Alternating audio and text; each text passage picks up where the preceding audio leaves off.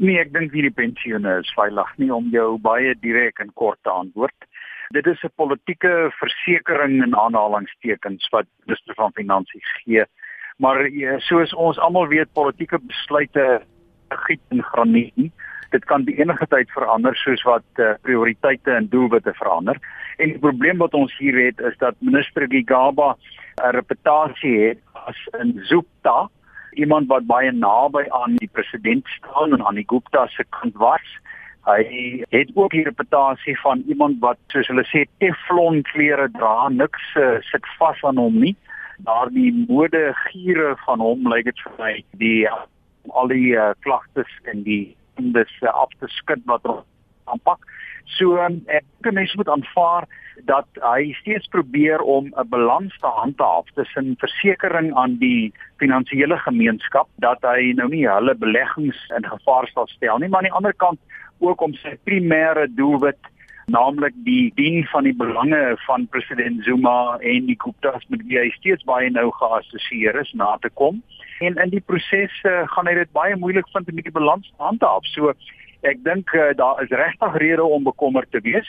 Uh, en die enigste manier om maar uh, mense belange te beskerm en die pensionaars se belange te beskerm is maar om aan die kant van die burgerlike samelewing maar net eenvoudig uh, beswaar te maak hierteen en te hoop dat hulle dan genoeg geëmbarrasseer gaan word om uh, hierdie redelike blaatante pogings tot staatskaping te probeer stop. Die hoofsekretaris van Fedusa, Dennis George, sê dit is nou uiters belangrik dat sterk leierskap verseker dat staatspensioene nie geplunder word nie. Die die government employees have a defined benefit scheme. Met ander woorde, die benefit word gedefinieer deur die rules. So as jy 20 jaar diens het of 25 jaar diens het, dan kry jy soveel persentasie van jou salaris van jou laaste maand. In die defined contribution is wat jy insit en die geld wat jy kry is wat die rente opgeloop het deur die storie. So heidaglik in daardie soort van skema sal die die die staatswerke nie hulle geld verloor nie of hulle benefits nie want die regering het geteken om dit te onderskryf.